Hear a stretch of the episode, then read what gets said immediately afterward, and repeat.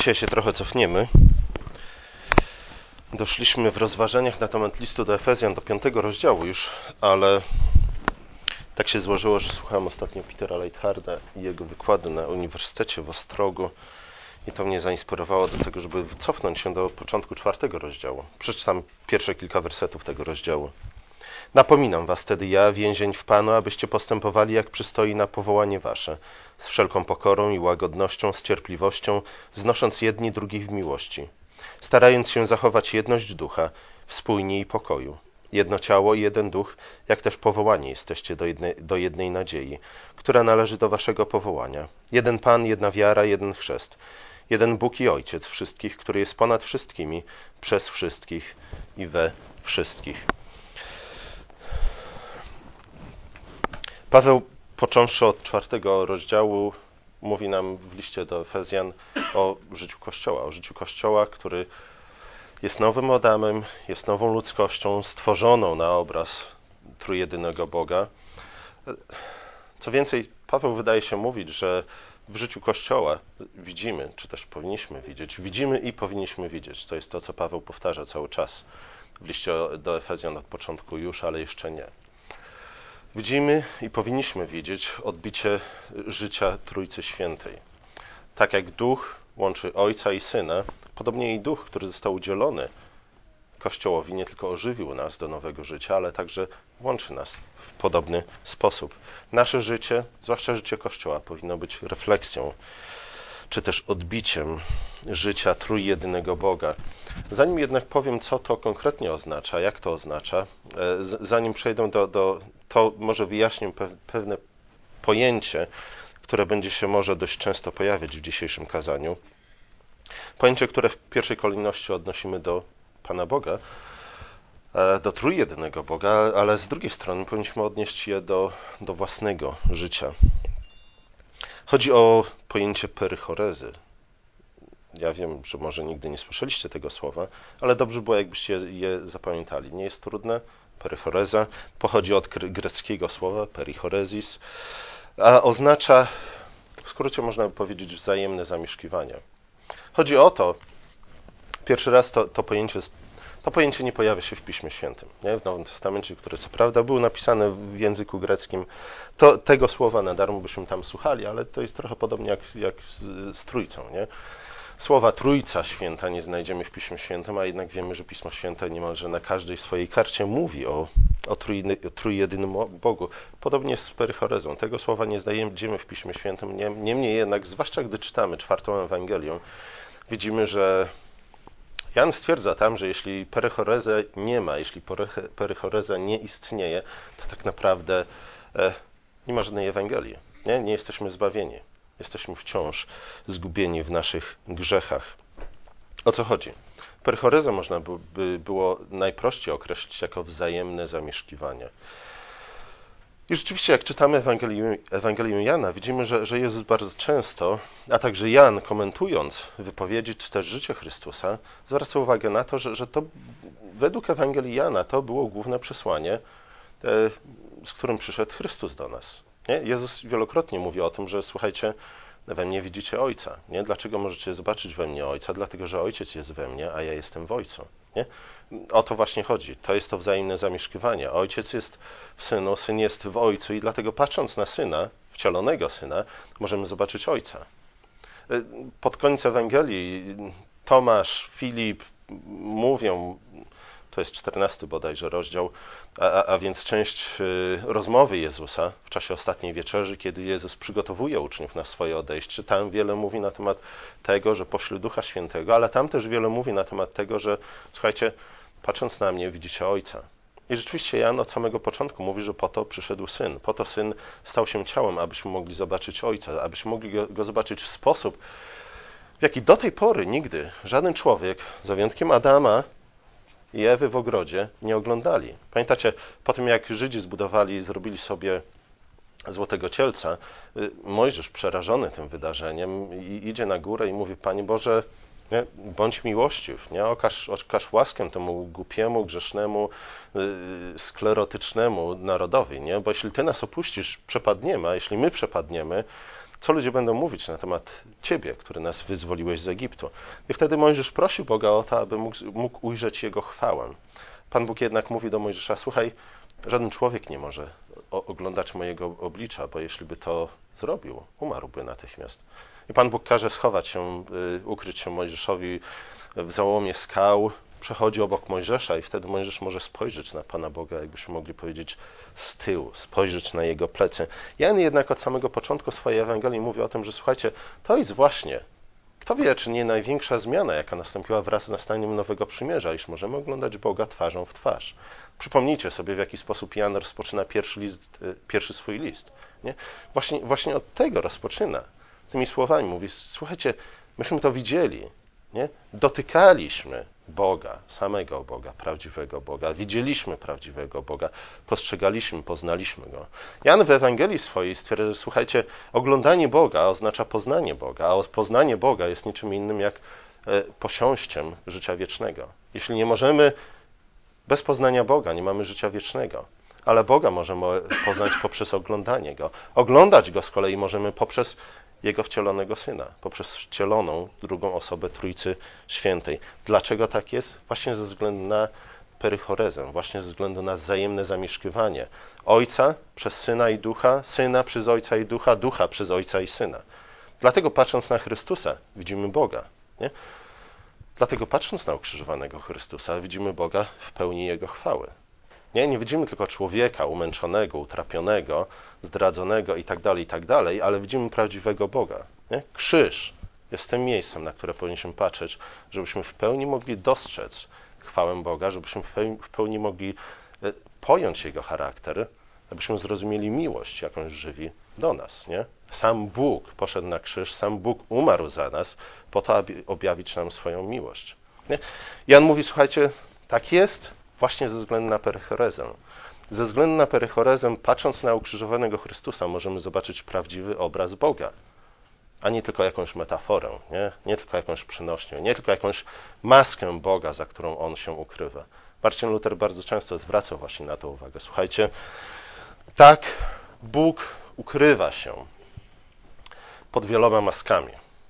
W pewnym sensie to jest to, o czym, o czym mówi Stary Testament. W pewnym sensie to jest to, do czego nawiązuje, do czego nawiązuje kto? Jan w swoim prologu, y, czyniąc aluzję do, do spotkania Mojżesza z Panem Bogiem, e, ale Marcin Luther mówi, słuchajcie, nie, jest, jest jedno miejsce, nie? W, jednym, w jednym momencie Bóg zdjął swoją maskę, tak żeby, żebyśmy mogli własnymi oczami oglądać Go, to jakim jest Bóg naprawdę, nie? A było to na krzyżu. Wzajemne zamieszkiwanie oznacza to, wie, wiele można było to, o, o, tym mówić i, i, do końca chyba nigdy tego nie wyjaśnimy, co to znaczy. W pewnym sensie wzajemne zamieszkiwanie, czyli perychoreza, jawi nam się jako, jako paradoks, ze względu na to, że mówi, nie, jak, jak coś może zawierać jedną rzecz, a jednocześnie być przez nią zawarte. Nie? W jaki sposób ojciec może zawierać syna, a jednocześnie być zawartym w synu. E, to są obrazy, którymi, którymi posługujemy się, żeby w przybliżeniu pojąć, o co chodzi w pojęciu perychorezy. Nie? O czym mówi Jezus, kiedy mówi, że ja jestem w Ojcu, Ojciec jest we mnie. Patrząc na mnie, oglądając mnie, poznając mnie, może, mo, możecie poznać to, jakim jest Ojciec. Ogólnie rzecz biorąc, chodzi, chodzi o to, że y, osoba Ojca, Syna i Ducha Świętego y, czynią w swoim życiu miejsce dla pozostałych dwóch, dwóch osób, a jednocześnie e, żyją życiem pozostałych dwóch osób. Nie?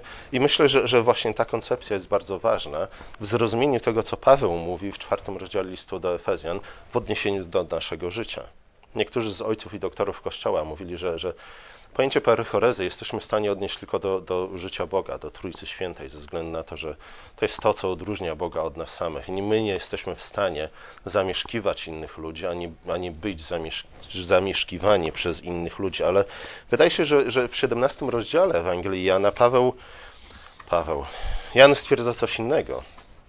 Ze względu na to, iż tam Jezus modli się takimi, takimi słowy. 17 rozdział, 20 werset. Tam Jezus y, wstawia się nie tylko za apostołów, tuż przed swoim odejściem, ale też za cały Kościół, za, za tych wszystkich, którzy uwierzą w dobrą nowinę głoszoną przez apostołów i tych, którzy przyjdą po nich.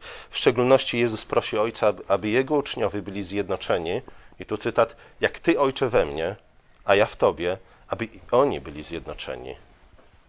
No nie do końca tak. Aby i oni stanowili w nas jedno. Innymi słowy, Jezus, Jezus prosił Boga o to, abyśmy my, którzy jesteśmy w Nim, poprzez bycie w Nim, mieli pełny udział w życiu boskim, czy też w życiu Trójcy. Abyśmy zostali włączeni do tego perychoretycznego życia Trójcy. Nie? Po to zostaliśmy stworzeni, po to przyszedł Chrystus, abyśmy mieli udział w życiu samego Pana Boga. E, jeśli tak jest, nie, to to życie perychoretyczne powinno być też widoczne w naszym życiu. To nie chodzi, zobaczcie, zwróćcie znów uwagę na to, że, że Jezus nie mówi tylko i wyłącznie o tym, żebym to ja mógł być włączony w życie trójjednego Boga, abym miał udział w boskim życiu.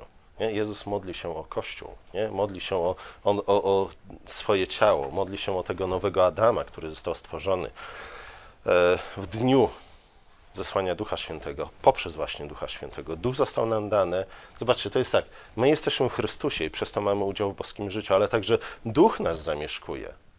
Nie? A my zaś zamieszkujemy w duchu. I w ten sposób także mamy udział w tym perychoretycznym życiu Świętej Trójcy. Poprzez Syna i Ducha także Ojciec nas, nas zamieszkuje. I, I znów chodzi o cały Kościół. Nie chodzi o poszczególnych chrześcijan, nie, nie chodzi o, tylko i wyłącznie o, o osobistą relację z Jezusem, która zbyt często staje się prywatną relacją z Jezusem. Chodzi o, o to, żebyśmy my jako całe ciało mieli udział w życiu Trójcy Świętej. Nie, Paweł mówi o tym w liście do Efezen, mówiąc o, o, różnych darach, ale w szczególności w liście do Koryntian. Pierwszy list do Koryntian, dwunasty rozdział. Nie, tam Paweł rozwija ten wątek i mówi: Słuchajcie, jesteście jednym ciałem, jesteście różnymi członkami. Nie? W ten sposób, będąc różnymi członkami tego samego ciała, macie udział w sobie nawzajem. Nie, nie możecie żyć bez reszty ciała, nie? ani sami w sobie nie jesteście całym ciałem. Mamy udział w życiu Trójcy, w życiu Trójjedynego Boga tylko poprzez udział w życiu ciała Chrystusa, w życiu tej nowej świątyni, nowego domu Boga, nowego Adama, którym jest Kościół. Można było dużo więcej na ten temat mówić. Później może wyślę Wam link do, do całego wykładu, jaki Peter wygłosił. Przepisałem go, przetłumaczyłem, możecie sobie go przeczytać, do czego Was zachęcam bardzo, ze względu na to, że, że, że pozwoli Wam on lepiej zrozumieć samo pojęcie perychorezy. Ale tu chciałbym, dzisiaj chciałbym zwrócić uwagę na to, w jaki sposób właśnie to perychoretyczne życie może przejawiać się w naszym, w ludzkim życiu. Zobaczcie, bardzo często niestety jest tak, że postrzegamy innych ludzi, nie? zwłaszcza ludzi wokół nas, tych ludzi, którzy są daleko od nas, w ogóle ich nie postrzegamy, nie? albo postrzegamy ich w abstrakcyjny sposób, nie? miłujemy ich w abstrakcyjny sposób, troszczymy się o nich w abstrakcyjny sposób, ale, ale oni tak naprawdę nie odgrywają większej roli w naszym życiu. Nie? Bardzo często postrzegamy innych ludzi, nie? ludzi, którzy są blisko nas, jako przeszkody w naszym życiu, jako przeszkody do, do osiągnięcia naszych własnych cel, celów, planów, zrealizowania naszych planów, spełnienia naszych pragnień. No zobaczcie, nic tak bardzo nie denerwuje nas w życiu, jak inni ludzie. Zgadza się? Nie? No, telefon nas denerwuje czasami, komputer nas czasami denerwuje, nie? Ale, ale denerwuje nas jak, jako wytwór innych ludzi. Nie mówimy, aż ci durni programiści, nie? Dlaczego oni przegapili tego, a nie innego baga. Denerwujemy się na przykład na pogodę, ale denerwując, denerwując się na pogodę, denerwujemy się tak naprawdę na kogo, nie? Albo na tego, który źle ją przepowiedział, albo na tego, który panuje nad tą pogodą, nie? Często niestety jest tak, że denerwując się na innych ludzi, denerwujemy się na samego Pana Boga. Wszyscy mamy jakieś plany, wszyscy mamy jakieś dążenia, wszyscy mamy jakieś pragnienia. Niestety bardzo często to inni ludzie stają na przeszkodzie w ich realizacji. Załóżmy, że jesteś studentem. To jest przykład, który Peter podał, bo akurat przemawiał do studentów uniwersytetu. Załóżmy, że jesteś studentem, masz pracę semestralną do, do napisania i co? E, bardzo dobrze ci idzie, masz wszystko w głowie poukładane, modlisz się tylko o to, żeby nikt nie wszedł do twojego pokoju i nie, i nie, zbił, nie zbił cię z pantałyku, nie? Dlatego, że wiesz, że stracisz natchnienie i później będzie gorzej, zacząć na nowo. Jesteś na trzeciej stronie, wszystko idzie jak po maśle i nagle przychodzi do ciebie twój znajomy, kolega, przyjaciel, jakkolwiek go nie, nie nazwać, który dopiero co zerwał ze swoją dziewczyną. Nie? Dla ciebie to nie jest wielki problem, ale dla niego to jest katastrofa, nie? to jest koniec świata.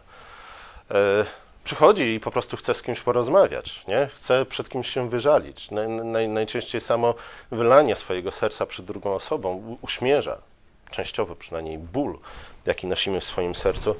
W jaki sposób na to zareagujesz? Nie? Czy spławisz go, bo powiesz, słuchaj, mam tu ważne sprawy, pilne sprawy, jak skończę moje własne sprawy, nie? to wtedy zadzwoń do mnie i pogadamy, jeśli jeszcze będziesz chciał ze mną o tym rozmawiać. Czy raczej w pewnym sensie rzeczywiście pojawienie się tego człowieka w naszym pokoju jest przeszkodą. Niewątpliwie. Nie? Taki człowiek jest w pewnym sensie intruzem w naszym życiu. Taki człowiek jest niewątpliwie kłodą rzuconą nam pod nogi. Zgadza się? E, I tu nie ma żadnej wątpliwości co do tego. Ale z drugiej strony, w jaki sposób zareagujemy na pojawienie się takiego człowieka w naszym życiu? Czy rzeczywiście potraktujemy go tylko i wyłącznie jako przeszkodę, jako intruza, jako kłodę rzuconą pod nogi? Czy, raczej, czy, czy raczej wykorzystamy tę okazję do tego, aby zamieszkać w jego życiu i pozwolić jemu zamieszkać w naszym życiu? W jaki sposób możemy pozwolić temu człowiekowi zamieszkać w naszym życiu? W jaki sposób możemy uczynić miejsce dla niego w swoim życiu? No, no w pierwszej kolejności w sposób bardzo dosłowny. Wpuść, możemy go wpuścić do pokoju, nie? a nie zatrzasnąć drzwi przed jego nosem. Nie? To jest pierwszy krok, jaki musimy uczynić. Musimy poświęcić dla niego nasz czas. Musimy wygospodarować dla niego część naszego czasu, który moglibyśmy spożytkować na realizację naszych własnych, osobistych planów i ambicji. Musimy, musimy udzielić mu naszej uwagi. Musimy otworzyć przed nim nasze uszy, nasze serca. Nie? W ten sposób pozwalamy innym ludziom zamieszkiwać w naszym życiu i, pozwala, i, i, i także zamieszkujemy w ich życiu. Ich problemy stają się naszymi problemami. Ich troski stają się naszymi problemami. E, w ten sposób razem z Nim niesiemy Jego brzemiona.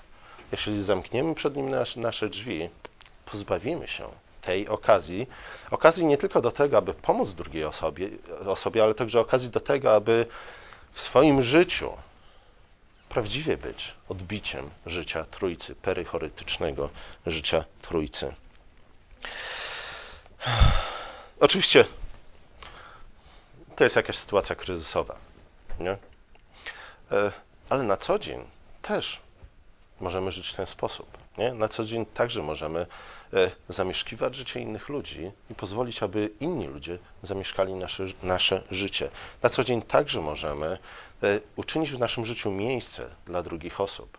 Nie? Bóg, Bóg nie zajmuje się nami tylko, tylko od kryzysu do kryzysu. Nie? W pewnym sensie możemy powiedzieć, że człowiek grzeszny żyje w stanie permanentnego kryzysu. Nie? Ale Bóg zamieszkuje nasze życie w każdej chwili. Nie? On, on chce dzielić z nami nasze, nasze troski i nasze radości. On jest tym, który płacze z płaczącymi, i tym, który raduje się z radującymi, i tym, który śpi ze śpiącymi, i tym, który pracuje z pracującymi, i tym, który uczy się z uczącymi. On jest z nami w każdej chwili naszego życia. Nie? Dlatego e, wzajemne zamieszkiwanie to nie jest coś, o czym powinniśmy myśleć tylko i wyłącznie w sytuacji kryzysu. I zobaczcie, gdy, gdy pomyślimy o, o, o innych rzeczach, o, o innych sytuacjach, to, to rzeczywiście tak jest. Pomyślmy, pomyślmy o mężu i żonie, nie? albo o ludziach, którzy dopiero co się pobrali. Nie? Na czym polega małżeństwo? No właśnie polega na tym, że, że, że my, którzy do tej pory mieliśmy swój własny pokój, swoje własne cztery kąty, mogliśmy je urządzić według kompletnie własnego gustu albo braku gustu, nie, możemy zro mogliśmy zrobić z naszym czasem, co nam się chciało. Mogliśmy zjeść, posprzątać, obejrzeć, przeczytać, posłuchać, co nam się podobało. O tej pory, nie? Gdy powiedzieliśmy tak, i druga osoba też powiedziała tak, wszystko się zmienia, stajemy się jednym ciałem. Zaczynamy mieszkać, zamieszkiwać w sobie nawzajem. Musimy uczynić miejsce dla drugiej osoby w naszym życiu. Nie? Musimy, zaczynamy nagle żyć życiem drugiej osoby. E, nieść, dzielić jej troski, dzielić jej radości i tak dalej. Zobaczcie, nawet w, w sensie dosłownym, fizycznym, materialnym oznacza to potrzebę e, uczynienia miejsca w naszym życiu dla, dla drugiej osoby. Nie? Nagle zamieszkujemy z drugą osobą wspólną przestrzeń, dzielimy pokój, dzielimy łóżko. Nie? Do tej pory spałem sobie sam, wygodnie. Ścieliłem je, kiedy chciałem, nie ścieliłem, kiedy chciałem, zmieniałem poszewkę na poduszce, kiedy chciałem, a nagle żona mówi, słuchaj, ale wiesz co, twoja poduszka jest trochę już przepocona, nie? Może byś ją zmienił. A mówi, no to zmień, jak ci się nie podoba mój zapach. Nie, zobaczcie, na, nawet w tym wymiarze fizycznym musimy uczynić miejsce dla drugiej osoby. Oczywiście nie tylko o to chodzi. E, ale od tego się zaczyna. Nie? To jest ten pierwszy krok, który czynimy e, w kierunku drugiej osoby. Pozwalamy jej zbliżyć się do siebie. Nie otwieramy naszą fizyczną przestrzeń na tą osobą, ale też oczywiście musimy otworzyć nasze uszy, nasze oczy, nasze serce dla drugiej osoby, jeśli życie w małżeństwie także ma być odbiciem perychoretycznego życia Trójcy Świętej.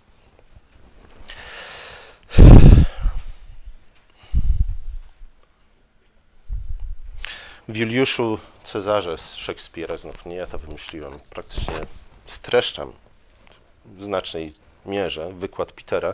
W Juliuszu Cezarze e, Porcja, żona Brutusa, to jest moment, w którym Brutus planuje zamach na Juliusza Cezara, e, zwraca się do, do męża i na, na, narzeka na niego, że, że nie dzieli się z nią swoimi problemami, nie? Swoimi, swoimi planami, swoimi myśle, myślami. Nie? I w tym kontekście to może być zrozumiałe, że Brutus nie chce zdradzić żonie planów zabicia Ce Cezara, ale z drugiej strony ta, ta scena wydaje się niestety przypominać życie wielu małżeństw. Nie?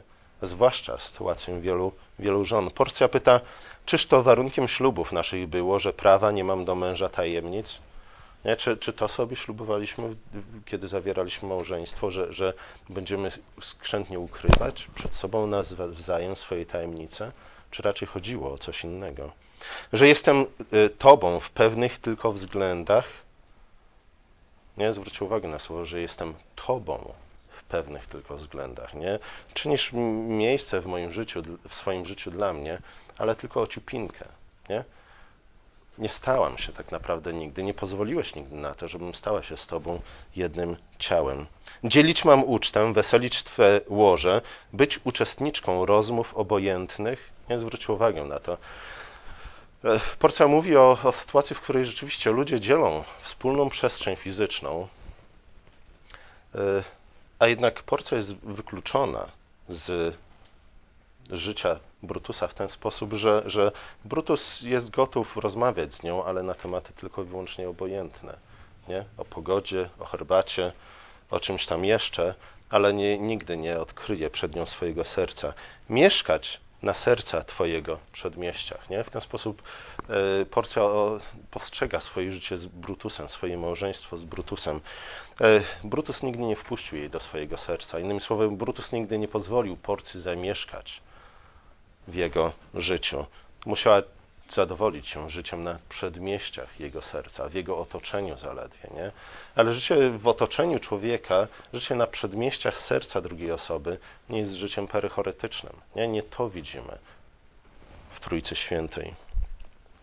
Wychowanie dzieci także wymaga uczynienia miejsca we własnym życiu dla innych osób i, i w przypadku dzieci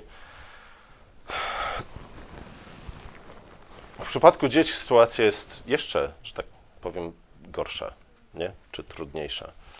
O ile żonę czy męża zwykle sobie wybieramy, nie? Ja, ja wiem, że czynimy to najczęściej e, powodowani przesłankami jak najmniej racjonalnymi, niemniej jednak e, przynajmniej winić nie możemy nikogo nie? za to, że, że wybraliśmy sobie taką, a nie inną, a nie inną żonę, ale, ale w przypadku dzieci nie, jeśli już raz zdecydujemy się na to, żeby mieć dzieci, a może nawet kiedy się nie zdecydujemy na, na, na posiadanie dzieci i te dzieci pojawią się w naszym życiu, w pewnym sensie to są całkowicie obce osoby. Zgadza się? Nie? To są obce osoby. To, to jest kwintesencja e, inwazji w cudze, w cudze życie. To, jest, to, jest, to są prawdziwi intruzowie. Dlaczego? I to zobaczcie, to, to są najgorszego rodzaju intruzowie w naszym życiu. E, ludzie mówiący obcym językiem, których nie rozumiemy. Nie? Po mimice, nie? po intonacji głosu domyślamy się o co chodzi, ale potrzeba nam sporo czasu, żeby, żeby zacząć kumać, nie? o co chodzi. E, tak, możemy przeczytać książki na temat tych barbarzyńców e, nie? i nauczyć się czegoś z cudzego doświadczenia, ale Ale potrzeba czasu. Wdzierają się do naszego życia, do naszej fizycznej przestrzeni także, nie? Na początku, nie wiem, jak wy to robiliście, ale dzieci zwykle przez przynajmniej parę miesięcy śpią w tym samym pokoju, co, co rodzice. Y, na dodatek są to intruzi, którzy są jak szarańcza, nie? Biorą, a niewiele dają ze swojej strony. Y, niewiele są w stanie z sobą zrobić, całkowicie są, są na nas zdani. Y, zabierają wszystkie nasze środki, które zgromadziliśmy. Sami, same sobie nie, nie zmienią pieluch, same się nie nakarmią, e, same nie są w stanie nawet za bardzo powiedzieć, o co im chodzi, ale non-stop mają jakieś pragnienia, roszczenia, pretensje. Nie? E, żaden człowiek dorosły, zwykle, nie? żaden człowiek dorosły nie budzi się w połowie nocy, wrzeszcząc i budząc cały dom, bo zgłodniał i natychmiast musi zaspokoić ten głód. Nie? Nawet jeśli człowiek dorosły obudzi się w nocy, głodny, to, to nie robi takiego rabanu, nie? nie stawia całego domu na nogi, dlatego że chce, żeby ktoś przyszedł do niego i przyniósł mu pączka. Dzieci, dzieci jednak zachowują się inaczej. Nie? Dzieci, można by powiedzieć, są, są kwintesencją właśnie tych, tych intruzów. Oczywiście, nie? Mówię to z pewną e, dozą i ironii, e, Niemniej jednak dzieci w pewnym sensie są intruzami. Nie? I zobaczcie, y, musimy sobie to uświadomić y, po to, abyśmy y, we właściwy sposób na nie, na nie zareagowali. I, I rzeczywiście przyjęcie dziecka, które jest w pewnym sensie intruzem do swojego życia, nie? takie prawdziwe przyjęcie, wpuszczenie je do własnego serca, nie tylko pozostawienie go na, na przedmieściach swojego serca, wymaga właśnie naśladowania Trójcy. Wymaga perychorytycznego życia, wymaga e, wpuszczenia tych intruzów do własnego życia. No ja oczywiście wiem, że gdzieś kiedyś pewnie otrzymamy jakąś gratyfikację, nie? Na, to, na to liczymy, ale, ale zobaczcie, nie, to nigdy nie może być naszą podstawową motywacją do tego, żeby wpuścić dzieci do naszego życia. Zobaczcie, to właśnie w stosunku do dzieci, do najmniejszych dzieci, być może jesteśmy w stanie okazywać, odbijać ży, wewnętrzne życie Trójcy w najpełniejszy sposób, nie? Bo, bo otwarcie się na drugie dziecko, albo otwarcie się na osobę niepełnosprawną, nie? osobę zwłaszcza bardzo cierpiącą na bardzo duży stopień upośledzenia fizycznego, a zwłaszcza umysłowego, nie? Wymaga tego, żebyśmy po prostu otworzyli się na drugą osobę, pozwolili jej zająć miejsce w naszym życiu, sami zacząć żyć jej życiem, nie licząc w praktyce na żadną gratyfikację, przynajmniej nie często w tym życiu, a nie często w ciągu najbliższych 10-20 lat. Nie? Właśnie dlatego nie?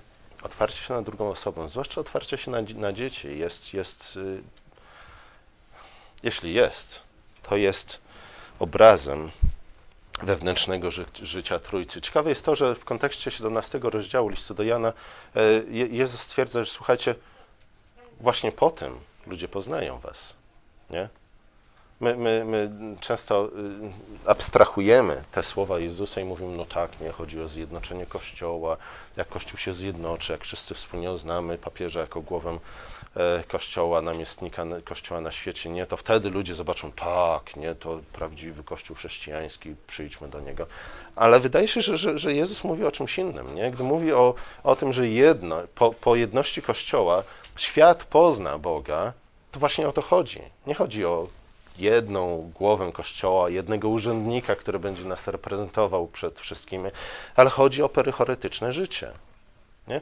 Potem świat pozna Chrystusa. Zobaczcie, i znów musimy wrócić do tego, o czym mówiłem na, na początku. Życie wieczne jest, jest owocem poznania Boga. Poznanie Boga jest owocem oglądania Boga. W jaki sposób możemy oglądać Boga, patrząc na Chrystusa? Dlaczego możemy oglądać Ojca, patrząc na Chrystusa? Ponieważ Ojciec zamieszkuje w Synu, a Syn zamieszkuje w Ojcu. I musimy się cofnąć, nie? Jeszcze jeden krok dalej i powiedzieć, dlaczego ludzie patrząc na nas mogą zobaczyć Boga i poznać Boga, nie? I posiąść życie wieczne właśnie ze względu na to perychoretyczne zamieszkiwanie, ze względu na to, że Syn i Duch i Ojciec zamieszkują nas jako Kościół, ale także ze względu na to, że my zamieszkujemy siebie nawzajem. Nie? Według Ewangelii Jana to jest, to jest najlepsze świadectwo, jakie możemy złożyć przed światem. Nie? Tak, apologetyka jest super, tak, wszelkie dyskusje na Facebooku są ekstra, nie? Powinniśmy ostrzyć nasze miecze, żebyśmy byli w stanie nimi pościnać głowy niewiernych. Wszystko fajnie, nie? Ale, ale według Jezusa nie, nie to jest najważniejsze. Nie? Jeśli się wyostrzymy w wszystkich rzeczach, a nie, ludzie nie zobaczą w nas Syna i Ojca i nie poznają ich, to nie posiądą życia wiecznego. Nie? Bez tego świadectwa staniemy się niestety zgromadzeniem hipokrytów, nie? którzy mówią jedno, a żyją w całkowicie inny sposób. W szczególności te słowa Jezusa odnoszą się do Kościoła właśnie. E, o nim przede wszystkim mówi Jezus w swojej modlitwie. Nie? Pamiętajmy kontekst, w których padły te słowa o wzajemnym zamieszkiwaniu. Niezdrowy kościół to kościół pełen murów i te mury mogą, mogą przebiegać na różne sposoby. Te mury, mury mogą przebiegać wewnątrz kościoła, nie? kiedy ludzie są podzieleni. Te mury mogą być otaczać ten kościół, co sprawi, że, że każda nowa osoba będzie traktowała nas jako intrus, nie? ten, który, który zaburzy nas spokój. Wszystko sobie pięknie poukładaliśmy, wszystko sobie wyjaśniliśmy. W końcu osiągnęliśmy stan, taki błogostan, nie? Stan, stan ukojenia. Nagle pojawia się intrus nie? i przychodzi do nas ze swoimi problemami. Nie? Jeśli go przyjmiemy, jego problemy staną się naszy, naszymi problemami. Co najprościej zrobić? Nie? Co podpowiada nam nasz instynkt? Odciąć się od tej osoby nie? Zobaczcie, tak, dlatego tak bardzo często odcinamy się od osób, e, które mają wiele problemów albo które mają wielkie problemy, dlatego że nie chcemy, aby, aby ich problemy stały się naszymi problemami. Każdy z nas ma wystarczająco dużo własnych problemów, czyż nie? Nie chcemy, żeby, żeby problemy innej osoby stały się, się dodatkowo naszymi własnymi problemami. Najprościej jest się odciąć, nie? I w hipokrytyczny sposób wciąż modlić się to, o tę osobą, ale nie, nie chcąc jednocześnie w żaden sposób mieć udziału w życiu tej osoby. Obcy zawsze stanowią zagrożenie. Nie? I, i, i tak jest. Nie? No tu nie chodzi o to, żeby stwierdzić, słuchajcie, nie, wszyscy są dobrzy, e, przyjmujcie obcych, każdy obcy, który pojawi się w waszym życiu, ubogaci wasze życie w sposób cudowny, niesamowity, swoimi talentami i innymi bzdurkami. Nie, no tak nie jest, nie? To też jest fałszywy obraz rzeczywistości. Obce oznaczają problemy. Wpuszczenie każdej osoby do naszego życia oznacza problemy. Ale Jezus chce, żebyśmy się otworzyli na problemy innych ludzi. Nie, żebyśmy nosili brzemiona innych ludzi, dlatego że tylko w ten sposób też możemy rzeczywiście dzielić także radość tych ludzi, jeśli ta radość pojawi się w ich życiu. Ale przede wszystkim chodzi o to, że, że no w ten sposób uczestniczymy w życiu Trójcy. Nie? I tylko w ten sposób możemy uczestniczyć w życiu, w życiu Trójcy. E, Jezus wisząc na krzyżu nie śpiewał tak jak Brian, nie? w żywocie Briana, zadowolony, radosny, e, rany go łaskotały raczej niż bolały. Nie o to chodziło, nie? No, znów wróćmy do tego, do tego obrazu, gdzie najpełniej widzimy objawienie Boga właśnie na krzyżu. Tam najpełniej poznajemy Syna, Ojca i Ducha. Nie? I jest to Ojciec, Syn i Duch, którzy biorą na siebie nasze grzechy, biorą na siebie nasze cierpienia. Oczywiście w inny sposób, nie? Nie zapominajmy, że to Syn umarł, a nie Ojciec i, i Duch. Ale właśnie ze względu na, na życie Trójcy, e, możemy powiedzieć, że Ojciec i Duch także mieli udział w tym wydarzeniu. Nie? Jan to bardzo wyraźnie stwierdza, mówiąc, że na krzyżu widzimy Ojca, a nie tylko Syna. Nie dosłownie, sposób, w sposób obrazowy, a, nie, a jednak w sposób prawdziwy. Kościół zdrowy przyjmuje innych z otwartymi ramionami. Kościół zdrowy przyjmuje swoich własnych członków z otwartymi ramionami. Taki Kościół jest gotowy na włączenie nieznajomego do swojego życia. Taki Kościół e, upatruje właśnie w takim włączeniu nowych ludzi do swojego życia okazję do tego, aby służyć, okazję do tego, żeby jeszcze pełniej wyrazić życie Trójcy w swoim życiu. E, taki Kościół, w takim Kościele ludzie znajdują czas dla nowo przybyłych. Chcą ich poznać, chcą dzielić z nimi życie, chcą nosić ich brzemiona. I na tym polega perychoryza w życiu Kościoła i w tym przejawia się w nas życie boskie. Pomódlmy się. Nasz drogi łaskawy Ojcze, dziękujemy Ci za, za ten fragment Pisma Świętego, za list do Efezjan, za, za Ewangelię Jana. Prosimy Cię o to, abyś pomógł nam nie tylko coraz lepiej i pełniej zrozumieć, jak ma wyglądać nasze życie, jeśli ma być odbiciem Twojego boskiego życia, ale przede wszystkim, Ojcze, pomóż nam. Pomóż nam tak żyć, jak Ty żyjesz, Ojcze i Synu i Duchu Święty. Amen.